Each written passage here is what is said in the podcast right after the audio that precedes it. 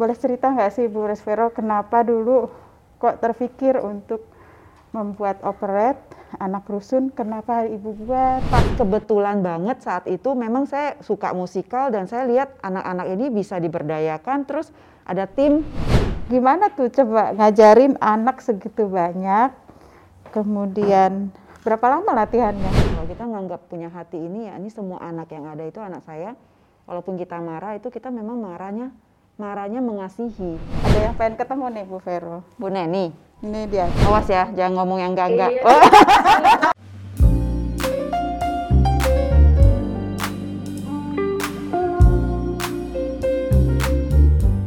Melihat anak-anak tumbuh dan berkembang dengan percaya diri dan ceria adalah hal yang membahagiakan.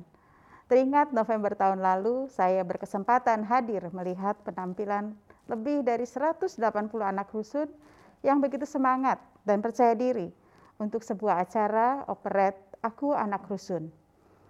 Penampilan mereka begitu luar biasa dan menyentuh. Semangat mengejar mimpi, toleransi, dan solidaritas yang diangkat melalui pertunjukan ini sangat relevan dengan kondisi kita saat ini. Hidup dengan beragam suku bangsa, bermacam tujuan, tidak menghalangi kita untuk tetap kompak dan saling menghargai satu sama lain.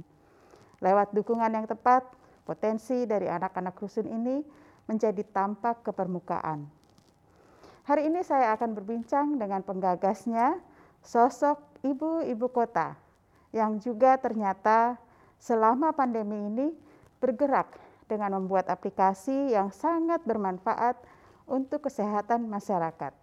Ibu Veronika Tan. Bersama saya Ferry Farhati, Simak cerita dari Ibu Veronika Tan. Di edisi spesial gelar bicara Ibu-Ibu Kota Awards, mengangkat cerita aksi hidup baik perempuan penggerak Jakarta. Bu Vero, terima kasih banyak ya. sudah mau hadir nengok rumah lama ya Bu Vero ya. Dan alhamdulillah masih banyak belum banyak perubahan dari waktu ditinggal oleh Bu Vero. Uh, tentunya sekarang kita punya cerita untuk bahan ngobrol ini udah pernah satu sepatu ya iya. kita. Jadi terima kasih sudah mau hadir dan kita sangat mengapresiasi apa yang sudah dilakukan oleh Bu Vero di bidang budaya, kemudian perhatian terhadap anak-anak rusun, dan juga tentunya di bidang kesehatan. Uh, saya mengikuti apa yang dikerjakan Bu Vero, baik baru Instagram atau cerita-cerita dari teman-teman dan uh, kita pengen ngobrol sih sedikit tentang apa yang dikerjakan oleh Bu Vero. Nah, Bu Vero kita pernah pada posisi yang sama nih ya sebagai istri gubernur yang memiliki peran uh, sebagai ketua organisasi baik itu PKK, Dekranasda, kemudian GKI, DKI. Nah, waktu saya memulai posisi itu, saya diajak berkeliling Jakarta yang dulunya saya kurang uh, begitu memahami tentang situasi Jakarta dan bertemu dengan ibu-ibu penggerak yang luar biasa yang uh, mau melakukan aksi hidup baik untuk orang-orang di sekitarnya. Kalau pengalaman Bu Vero sendiri gimana ini dulu waktu Bu Vero sebagai Ibu Gubernur? Ya, sama terima kasih buat Ibu Ferry yang sudah mengundang uh, nostalgia sih memang balik lagi ke rumah dinas iya. Dan uh, sama sih Bu uh, kita waktu jadi maksudnya sebagai ibu uh, gubernur maksudnya ibu masuk ke pemerintahan kita juga belajar ya Bu ya. Iya. karena ya memang dari rumah tangga lingkungannya beda terus masuk lingkungan kerja tetap adaptasi apalagi masuk ke pemerintahan yang yang memang secara ofisial kita harus menjadi ibu dari semua anak-anak yang ada di Jakarta. Iya. Nah, waktu itu memang pada saat eh, tahun pertama dan masuk tahun kedua masuk, memang waktu itu ada eh, turunan dari eh, peraturan menteri yang PP nomor 11 tentang kebijakan. Jadi sebenarnya kota layak anak sih yang memicu untuk penggerakan eh, apa sih yang harus dilakukan pada saat kita menjabat sebagai ibu PKK. Karena ada turunan dari uh, uh, nomor PP, PP, PP dan PA nomor 11, nomor 12 dan itu kebijakannya semua yang mengindikasikan bahwa kita harus memprioritaskan dalam arti kita bikin kota layak anak yang meng, ini mengutamakan hak anak dan kewajiban anak. Yeah. Nah, waktu itu saya berpikir kita sebagai ibu PKK, waktu kita uh, iniin ke anak-anak pasti kita nempelnya langsung ke orang tua bu. Ke orang tuanya. Iya, hmm. jadi saya pikir kalau kita, apalagi kita PKK kan semua ibu-ibu ya, dibilang ibu PKK kurang pekerjaan, tapi menurut saya kan biasa dibilangnya e, perempuan kurang kerjaan gitu misalnya suka diplesetin singkatannya, singkatannya. Tapi gitu ya. buat saya saya berpikir sebenarnya penggerak seluruh baik dari rumah sampai ke mana pun itu adalah ibu. Kita selalu dibilang ya bukan kita mau dis, ngomongin ini ya, oh kok bapak kerja misalnya di luar, tapi sebenarnya kalau hitung-hitung ibu itu mesti dari jaga semua, anak, masak, semua itu semua, bahkan mungkin kadang kalau di rumah mau listrik mau apa tuh semua ibu. Jadi sebenarnya ibu itu dibilang yang banyak pengalaman karena dia ini betul-betul nah, menangani banyak hal. Ya, dan anak-anak bertumbuh itu kan paling banyak selain di sekolah kan sama ibu. Iya bapak kerja pulang. Nah itulah yang saya uh, waktu di ada penggerakan kota layak anak ini saya berpikir gimana kita bisa dapetin seluruh kota Jakarta ini bisa anak-anak dan ibunya diberdayakan tapi memang mentalinya ya kita harus berdayain berdasarkan kemampuan mereka yang mereka bergerak sendiri dari bawah ibu-ibu yang mau melakukan segala sesuatu ber, dari dirinya, mm -hmm. ternyata malah sustainable. Ya, betul. Kegiatannya menjadi lebih langgeng dan, dan lebih real sebenarnya, Bu. Uh -uh, dampaknya kan lebih luas gitu. Mm -hmm. Dan itu yang saya temukan di sosok ibu-ibu kota. Ibu-ibu mm -hmm. ini yang uh, sosoknya itu banyak macam-macam. Ada yang kemarin saya wawancara beberapa, ada yang melakukan mengajarkan anak-anak mm. untuk uh, apa? uh, cinta lingkungan, yeah. bocil di Jakarta Utara yang gersang, wilayahnya bisa jadi bersih, mm. jadi hijau karena anak-anak anak juga dilibatkan. Ada ada juga yang uh, bantu sampah memilah sampah dari pintu ke pintu ngajarin.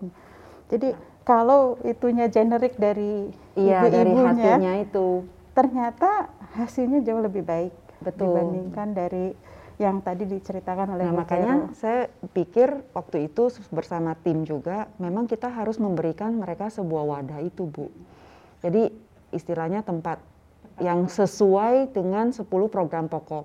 Ya. Jadi waktu itu kan memang indikatornya harus ada library perpustakaan anak-anak. Terus ya memang e, di sebelah kiri tamannya itu kita ber, e, kita membuat tanaman-tanaman yang memang tanaman obat, dan ada uh, ada pan, pandang ikan ikan ikan lele yang banyak. Karena mereka bisa nah itu semua indikator yang ada di kota layak anak yang memprioritaskan toilet harus toilet anak nah itu semua kita masukkan tapi di balik itu memang kita membuat semua program PKK itu terrealisasi di sana dengan melihat indikator di daerah itu kalau memang ibu-ibunya merawat dengan baik itu ada tempat bermain anak memang, ada tempat futsal, ada tempat basket. Jadi seluruh kegiatan-kegiatan itu bisa ada dilakukan di itu dan itu yang sebenarnya menjadi indikator ini berkembang nggak, ya. dijaga nggak.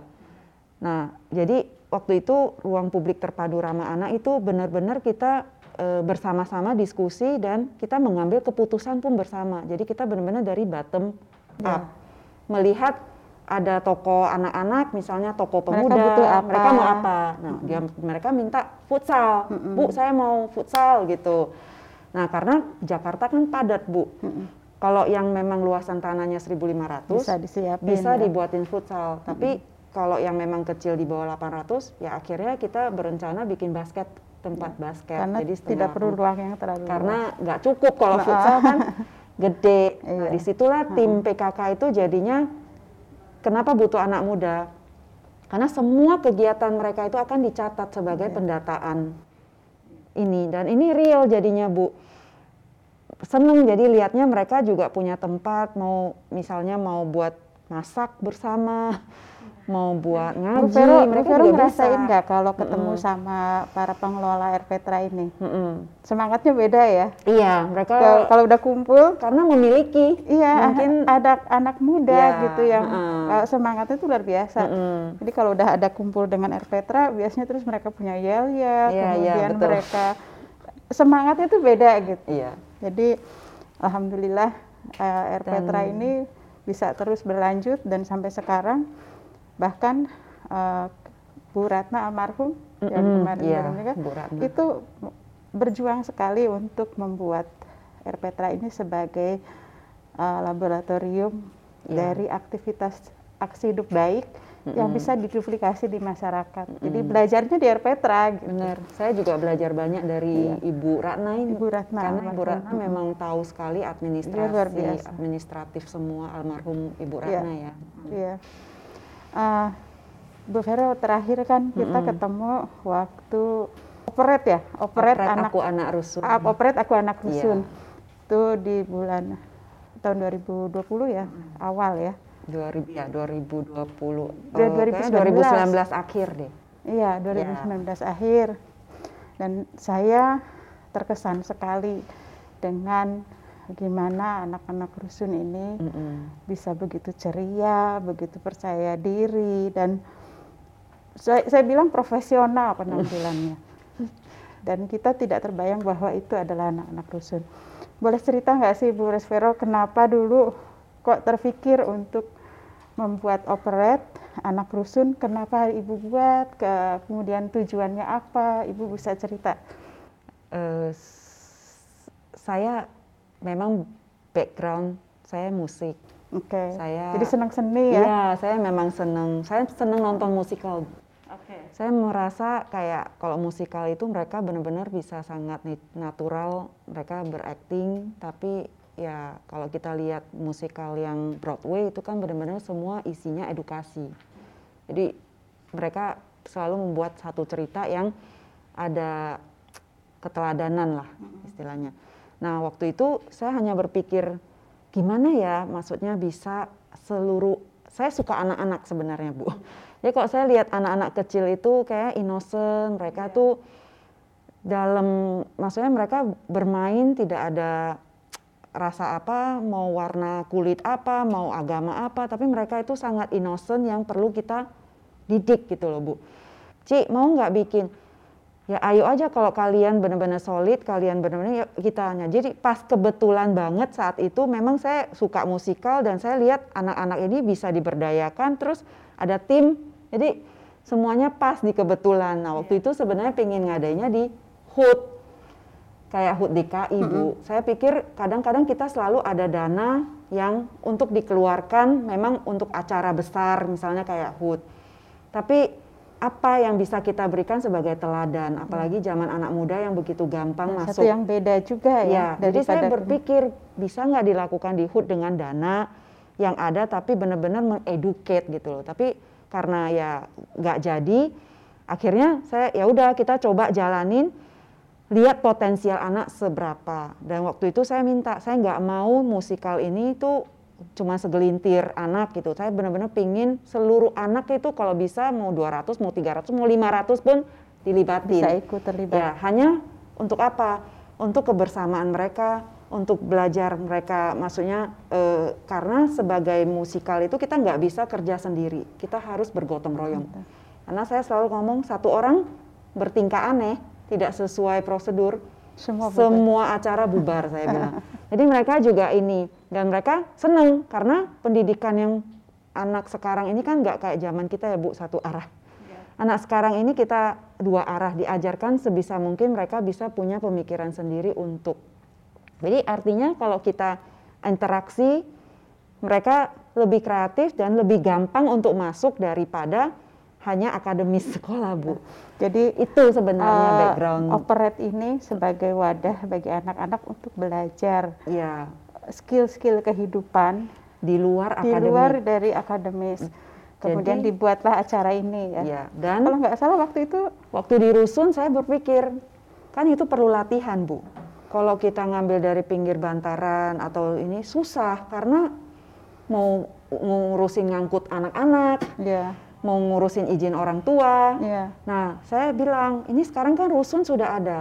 Lantai Anaknya dasar banyak kosong. rusunnya. Mereka tinggal turun dari atas ke bawah. Nggak perlu kendaraan lagi. Iya gara-gara itu berpikir dan anaknya banyak. Saya pikir banyak banget ini anak-anak mau dikemanain. Mereka bisa bermimpi gitu sebenarnya kalau kita memberikan mereka panggung, mereka wadah. Iya. Nah gara-gara itu kita ajak memang waktu itu eh, ibu-ibu pengelola yang ada di sana kan kadang rusun ada PKK-nya juga, ada RPTRA-nya juga.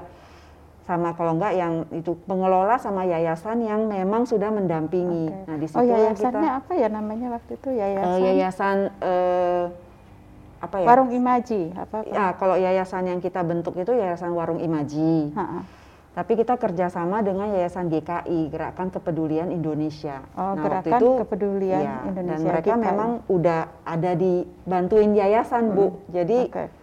Karena yayasan kan harus pendampingan untuk mereka bisa, Bisa. Ah, ah, jadi orang-orang harus diturunkan untuk hidup bersama baru Iya. bisa tahu sifatnya, Iya. Bu. Yayasan itu fokus di anak-anak atau? Enggak, yayasan bisa semua. Jadi mereka bisa ke ibu. Kan Hmm. waktu itu memang kan banyak sekali yayasan yang, Bu, saya mau bantu ini, saya mau bantu itu. Saya bilang ke rusun aja. Mm-mm. Kalian juga gampang. Misalnya yayasan kan semua harus ada report. Kalau kalian dampingin di satu rusun, kalian tinggal berdayain mereka, kalian reportnya juga gampang. Jadi setiap rusun itu ditaruh satu yayasan. Itu eh, kan 100 lebih ya, hampir 200 ya. 150 sampai 180, 200. hampir Iya, 200 iya, kan? Iya. Gimana tuh coba ngajarin anak segitu banyak, kemudian berapa lama latihannya? itu benar-benar intensif tiga bulan. Tiga bulan. Ah, tapi waktu kita mulai ya maksudnya turun ke bawah lihat aktingnya anak, tapi kita nggak ini ya kita memang ini kita ada audisi audisi ya. Ada audisi. Ya kita audisi tapi Jadi untuk standar peran-peran audisi. penting kali di audisi. Ya kalau untuk peran-peran penting kayak 10 orang kita benar-benar audisi. Tapi kalau Hmm. anak-anak yang biasa, soalnya buat saya ini kita nggak ngajarin terlalu banyak loh bu.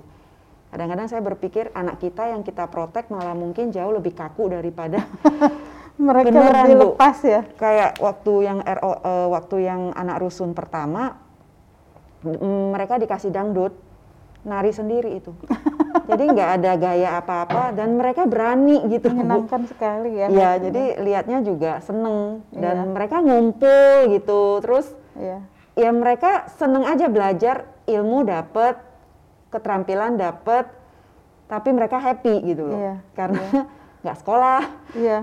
Dan diajak ke sini itu kan gitu. seperti sebetulnya teater itu kan banyak sekali apa banyak sekali yang eh, dipelajari Iya. sebetulnya berbagai macam aspek dari mulai imajinasi kemudian aspek gimana dia bisa bersama orang lain aspek kepercayaan diri aspek seni jadi memang paket lengkap ya Iya. operet itu paket lengkap untuk anak bisa belajar banyak hal Apalagi sekarang kan kita juga tahu anak-anak itu kayak kita melihat perkembangan dari zamannya kita sekarang ke milenial kan sekarang ke zaman Z, zaman Y, zaman Z. Iya. Mereka kan memang lebih kreativitas sebenarnya. yang utama Iya, bukan kalau bukan, akademik. knowledge knowledge bisa Yes. didapat di mana aja ya Betul. Keterampilan dan ide. Nah, itu yang sebenarnya harusnya kita maksudnya itu yang dikembangkan dari anak-anak kita Iya. karena sebenarnya anak-anak kita kreatif karena mereka tuh diajarin sebentar mereka jauh lebih Jauh. ini Iya. asalkan saya berpikir kita punya wadah punya tim yang benar-benar yang mewadahi mereka untuk punya stage ini Iya. punya panggung ini sampai sekarang masih suka berhubungan sama anak-anak ini kita makanya udah karena dibentuk Yayasan Warung Imaji ini kita berusaha untuk coba eh, membuat eh, sekarang kan lagi pandemik, Mm-mm. jadi kita kerjasama lagi sama eh, yayasan yang ada. Mereka bilang butuh wifi misalnya, ya udah kita Iya. bantuin wifi. Mm-mm. Terus misalnya ruangan komputer apa laptop atau apa yang untuk bisa ini ya kita coba Sediakan. yang bisa kita bantuin supaya bisa online kan. Iya. Nah sekarang kemarin saya sama tim, ayo dong kita sumpah pemuda mau apa? Kita sekalian berpikir, maksudnya tim sekalian berpikir mau pingin saring untuk anak rusun musikal yang ketiga. Jadi saya pikir sekalian aja kita lihat kemampuan mumpung mereka sekarang lagi online semua ya bisa berdiri di situ bergaya-gaya. Iya. Saya bilang ya udah bikin lomba nyanyi aja gitu. Jadi kemarin kita nyanyi lagu Maju Tak Gentar. Oke. Sekalian rekrutmen sebenarnya lihat kemampuan suara mereka. Untuk buat operate yang Ya, ketiga. saya berpikir ini ya tetap kita akan ada eh, benang merahnya Benang untuk merahnya, ya. ke sana. Jadi nggak sia-sia maksud saya eh, nggak sia-sia kita bikin lomba ini atau daftar yang apa. pertama nonton ya. Makasih Bu udah support. luar biasa. Iya. Tapi memang melihat mereka itu ketika perform betul-betul profesional, nggak nggak kelihatan kalau mereka itu Ngajarnya sebentar loh. ada keraguan, Iya. ada takut di panggung itu kayak udah di tempat mainnya aja gitu. Ya kita biasa. yang di belakang deg-degan Bu. Soalnya jadi kita sebenarnya kan ada gladi resik. Jadi soalnya tanggung art trainer itu kan cuma boleh dipinjam dua hari. Iya. Tapi kan itu jamnya harus tepat. Jadi karena listrik semua kan mahal. Iya. Jadi pokoknya jam 4 hanya boleh pakai jam 4 sampai jam berapa. Jadi kita manfaatin pas GR gladi resik semua orang karena kan orang tuanya pengen nonton. nonton. Jadi sebenarnya GR di GR itu nonton, gitu. semua orang tua itu datang jadi untuk Senang nonton. pastinya ya mereka Iya. ya ngelihat Nah, itu kita yang deg-degan. Ini kita selalu ngomong ini perform tidak ada ulang-ulang ya. Ini bukan di tit, bukan di sinema, bukan Ha-ha. bukan di oke potong, ulang, potong, cut, ulang. Jadi ini kalian cuma Harus sekali langsung sekali jadi. Nah saya bersyukur sih sebenarnya dapetin Bunda Rita yang passionnya ke anak-anak sabar dan ngerangkul. Karena sebenarnya kita butuh sosok ibu sebenarnya yang menganggap ini semua adalah anak saya gitu. Kalau kita nganggap punya hati ini ya ini semua anak yang ada itu anak saya. Walaupun kita marah itu kita memang marahnya marahnya mengasihi. Jadi bukan marah yang ini. Jadi Bunda Rita waktu pertama itu waktu 2017 itu benar-benar kita tuh sebenarnya anak-anak waktu 2017 lebih banyak bu Ya. ya karena mereka hanya paduan suara lewat paduan suara lewat karena kita pikirin ide supaya semua Supaya bisa semua terlibat bisa ngerasain. waktu itu ada 300 anak Masya Allah. Iya, itu dari lima rusun sebenarnya. Nah, itu Bunda Rita bisa rangkul semua. Nah, waktu kedua kali kita mau ngadain, memang kita udah tahu Bunda Ritanya memang udah sakit cancer. Tapi ya udah kita support, gak taunya memang mungkin udah stage 4 jadinya.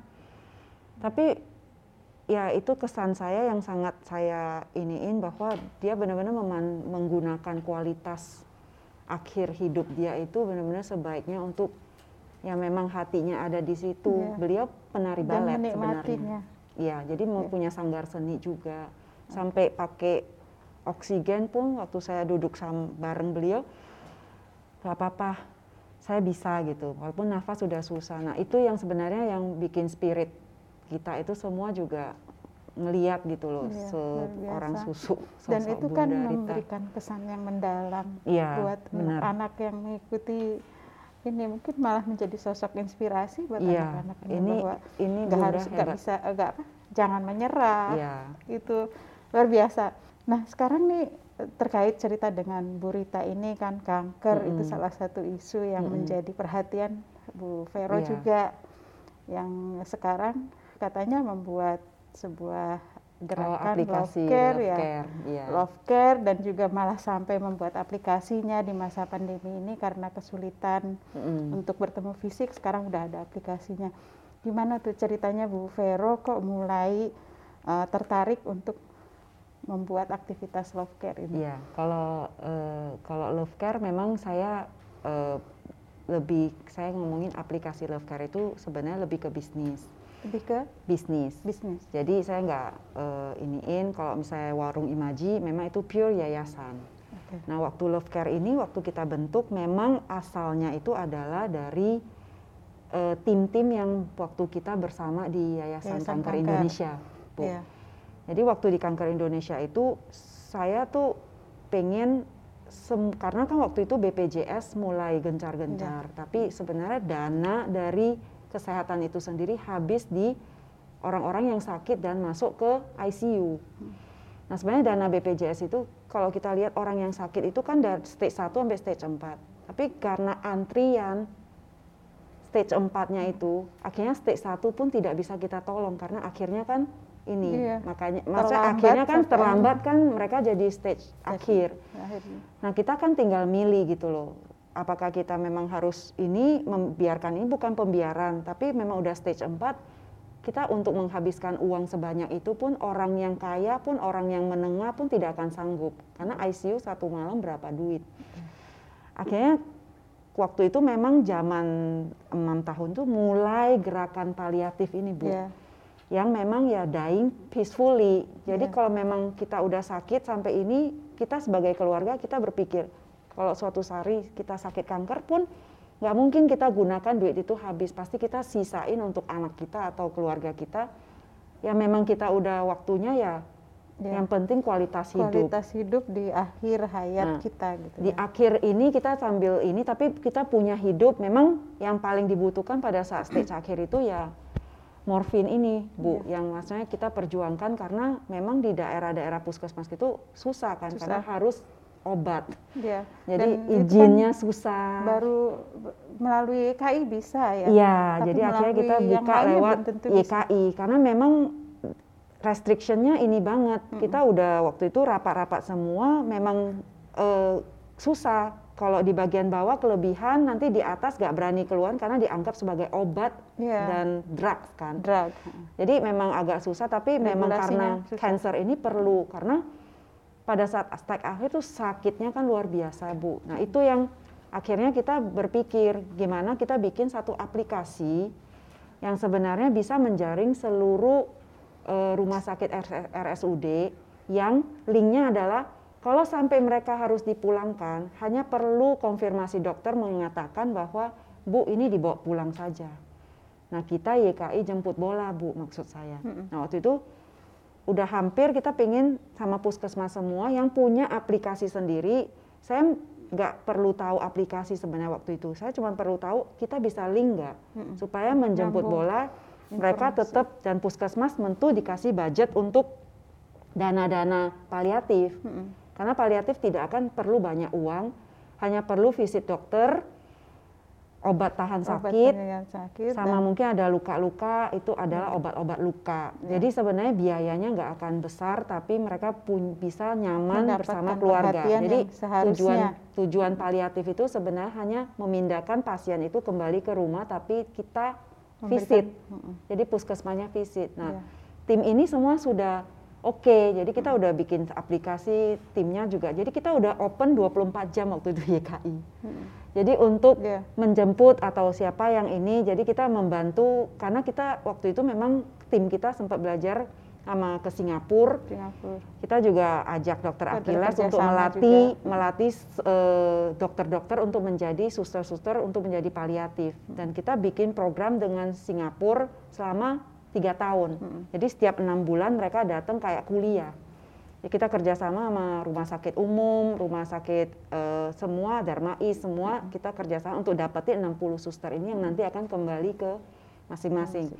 Tapi ya si pasien atau keluarga pasien itu ya harus bisa membayar Mm-mm.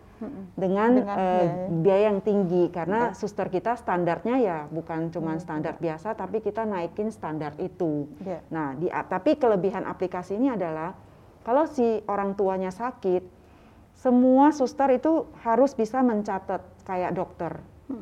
Ada yang pengen ketemu nih Bu Vero. Bu Neni, Ini dia di layar. Hai. ya Bu Neni kan. Ah. ini ibu paling aktif ini. Iya, betul. Iya, lari sana sini, lari sana ini ibu, ibu, ibu ini, ibu berjalan Iya. dan berlari. Saya bilang, saya ngebayangin PKK itu Mm-mm, kalau yang yang pegang peta itu berat. Nah, mm-mm. yang pegang peta almarhum. Yang nyetir mobil dia, Iya, yang mau yang gerakin ke mana-mana. tapi yang hebat ibu Neni sih. Iya. Kalau R Petra nggak ada ibu Neni kayaknya. Bu Neni, ada yang mau disampaikan Apa kabar? kesannya Bu, Bu. Neni? Awas ya, jangan ngomong yang enggak-enggak. Oh gitu.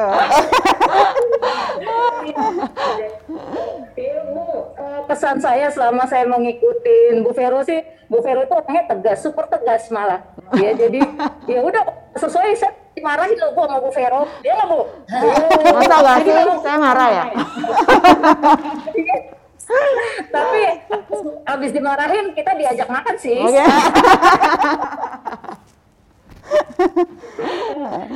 Itu yang saya suka dari ibu dan beliau Bu Vero ini ngajak kami kerja cepat. Jadi Ya, yang cepat. dilihat selama ini saya kerja dengan sangat cep- cepat Bu Ferry itu ajarannya memang Bu Vero. kami menerabas dulu aturan baru Eh, begitu kami menerabas aturan kami mulai meluruskannya. Oke. Iya. gitu. Iya. Saya tahu kok rumah Bu Deni sebelah. Mereka kerja di sebelah kalau di sini. Iya, di Ya pavilion samping. sini. Heeh. Sampai malam tuh, Bu. Uh, Kami di situ sampai jam satu malam Iya, iya. untuk apa? Untuk air Petra. Apa Jadi istilahnya malam pantang baru pantang pulang sebelum gelap apa? ya Pantang pulang sebelum subuh kali ya. Nah, pantang pulang sebelum malam. Karena kalau kami jam 4 sore malah digangguin sama apa itu namanya ondel-ondel. Tapi Apa kabar? Sehat-sehat, Bu? Alhamdulillah, mohon bantu doanya. Vero Bu Ferry, hari ini kalau Bu Ferry kasih kejutan ke Bu Vero, saya hadir. Sekarang saya kasih kejutan kepada kedua ibu karena kami hadir di sini beramai-ramai. Wow. rame-rame. Itu pada jaga jarak nggak tuh? Heeh. Maskernya dipakai yang betul. Masuk. Ya, Ini di mana Bu Neni? Alhamdulillah dikasih dikasih tempat bu di lantai 6 DPP APP. Oh. Mungkin karena jarak dari rumah saya dekat ya bu. Jadi kami untuk pembahasan dasar wisma kami lebih ke sini. Oh. Bu Vera kami sekarang punya dasar wisma banyak banget. Wih, datanya masih ada ya? Data. Iya. Pertahankan. Monitor bu. Oke, terima kasih Bu Vero, Bu Ferry. Salam sehat. Terima kasih semuanya. Thank you. Jadi memang kita kan saya waktu di PKK itu melihat bahwa mereka punya data yang luar biasa. Mm-mm. Dan waktu itu kalau nggak salah Bu Vero juga sudah mulai eh, digitalisasi ya. Mm-mm. Eh, eh, kemudian saya sekarang ini mereka sudah punya punya aplikasi namanya Carik Jakarta. Mm-mm. Bu Vera juga pernah diwawancara ya sama kader Dasa Wisma ya untuk ngisi. Oh iya, betul. Oh, oh. Isi Saya lihat data, itu, datang ke- data. ya, Dan sekarang rumah. data itu sudah lebih komprehensif dan bisa dimanfaatkan oleh Pemda Hmm, untuk oke. membuat kebijakan-kebijakan Betul, sesuai betul, betul. dengan kondisi di lapangan. Jadi ada kebijakan juga yang memu, meng- apa, memakai eh, apa istilahnya itu semua ke, eh, program terkait keluarga satu pintu melalui PKK. Iya, oke. Ya, datanya diambil dari PKK Yes. juga. Bahkan saat pandemi kemarin eh, kader Dasa Wisma ini mendata ibu hamil, Mm. kemudian orang tua dan yang semua yang punya komorbid, yang punya Hmm. risiko tinggi terhadap Iya. COVID ini COVID. terdata Mm-mm. oleh ibu-ibu ini, oleh luar para kader sih. Wisma. Iya. Memang dengan PKK menggunakan aplikasi. Memang se- sebenarnya PKK ini datanya tuh Luar biasa. iya, benar. Iya. Malah itu yang dipakai Iya, eh, ke dinas. iya. Dan itulah kemudian sekarang eh, datanya dipakai untuk pembuatan kebijakan yang terdai terkait dengan keluarga. Itulah the power of ibu-ibu. Power itu ya kan? Iya. Kalau nggak ada ibu coba. iya beneran. Ibu itu penggerak di rumah. Benar. Yang perhatiannya sangat sederhana dari mulai baju, mandi, pakaian, Mm, sampai sekolah. benar. Nah, itu semua kan ibu. Ibu-ibu. Nah, tapi jadi kalau ketika anak berprestasi di sekolah, yang Bapak. dipanggil siapa? Bapak. Bapaknya. Makanya semua di balik itu sebenarnya kita ibu-ibu yang penting Iya. mereka bisa ini kita udah tenang. Mereka pasti sayang anak. Saya tahu Bu keluarga. Vero itu bukan tipe orang yang suka muncul ya Mm, ke permukaan. Jadi kita punya peran di belakang. Mm-mm. Yang penting hasilnya Iya, itu ada, iya. nggak masalah. Siapa Apakah kemudian yang penting kita sudah melakukan sesuatu yang tadi Bu Vero iya. bilang. luar lebarkan kepedulian. Kita ini sudah punya uh, sudah cukup. Ya maka do something. Ya lakukan sesuatu untuk lingkungan. Ya itu Uh, sama-sama terima kasih banyak Bu Vero sudah bisa hadir berbagi cerita dan mudah-mudahan cerita Bu Vero bisa menginspirasi banyak orang. Terima kasih. dan saya bertemu dengan banyak sosok yang punya kepedulian seperti Ibu dari yang aktivitasnya sederhana cuma soal sampah Iya. atau yang soal anak didik di rumah Mm-mm. sampai isu kesehatan. Kader-kader paliatif sampai sekarang masih bergerak. Dan mereka ini ambil tanggung jawab Mm-mm. terhadap permasalahan yang ada di sekitarnya. Jadi untuk teman aksi hidup baik, mari kita ikuti ajakan dari ibu-ibu kota ini untuk mulai berdampak untuk lingkungan. Ambil Jadi- tanggung jawab dan ikut ber- eh, menyelesaikan permasalahan yang ada di sekitar. Jadi yang penting sebenarnya dengan begitu Jakarta menjadi lebih uh, humanis, lebih penuh harapan, bukan cuma Jakarta yang keras, yang penuh Benar. kemacetan dan lain-lain. itu juga yang waktu itu saya berpikir Bu, waktu di- kita lihat di Bali, Bali itu kan budayanya sangat, jadi mereka itu embedded ya, jadi Ya, satu ya budaya. mereka jadi satu keseharian. melalui budaya sebenarnya Bu. Itu juga mungkin dari Ibu Ferry, maksudnya utarakan ini saya juga jadi ingat. Kita lihat Jakarta itu tough, orangnya lulu gue gue, Mm-mm. Nggak peduli, nggak ini Iya. gitu. Tapi kita lihat waktu ke Bali kita lihat orangnya tuh sangat no welcome, budayanya sangat kuat gitu. Iya. Jadi sebenarnya kita hanya ingin seperti yang Ibu Ferry sarankan, kita hanya perlu mengajak, ayo dong sama-sama rawat karena Jakarta ini kan Milik punya bersama. kita bersama Milik dan kita bersama. untuk apa kita sama-sama merusak gitu. Iya. Kita mau apa pun itu, mau siapa pun, mau seperti apa, kita adalah anak Jakarta. punya punya, Punya peran masing-masing. jawab untuk Jakarta. Hal kecil kita bisa lakukan. Kita nggak usah berpikir yang besar-besar. Setiap orang hanya mengambil bagian untuk berpartisipasi, sesuai dengan peduli. kemampuannya. cinta, cinta budaya. Itu saja. Kalau kita rame-rame bersama-sama melakukan hal kecil kan lama-lama seperti peribahasa lama-lama jadi bukit. Iya. Jadi thank you banget buat Bu Ferry, maksudnya eh, mengadakan acara ini juga sebenarnya sangat menginspirasi. Ya, mari saya kita sama-sama gitu Iya. untuk bisa ya Dan kita, memberikan yang positif lah ya sebenarnya ya Bu ya. kita tunggu operet yang ketiga. Anak rusun Operet ketiga. anak rusun. Jadi insya Allah uh, operet anak rusun ini bisa juga memberdayakan anak-anak rusun. Mereka mendapat pelajaran hidup yang luar biasa dari apa yang kita lakukan.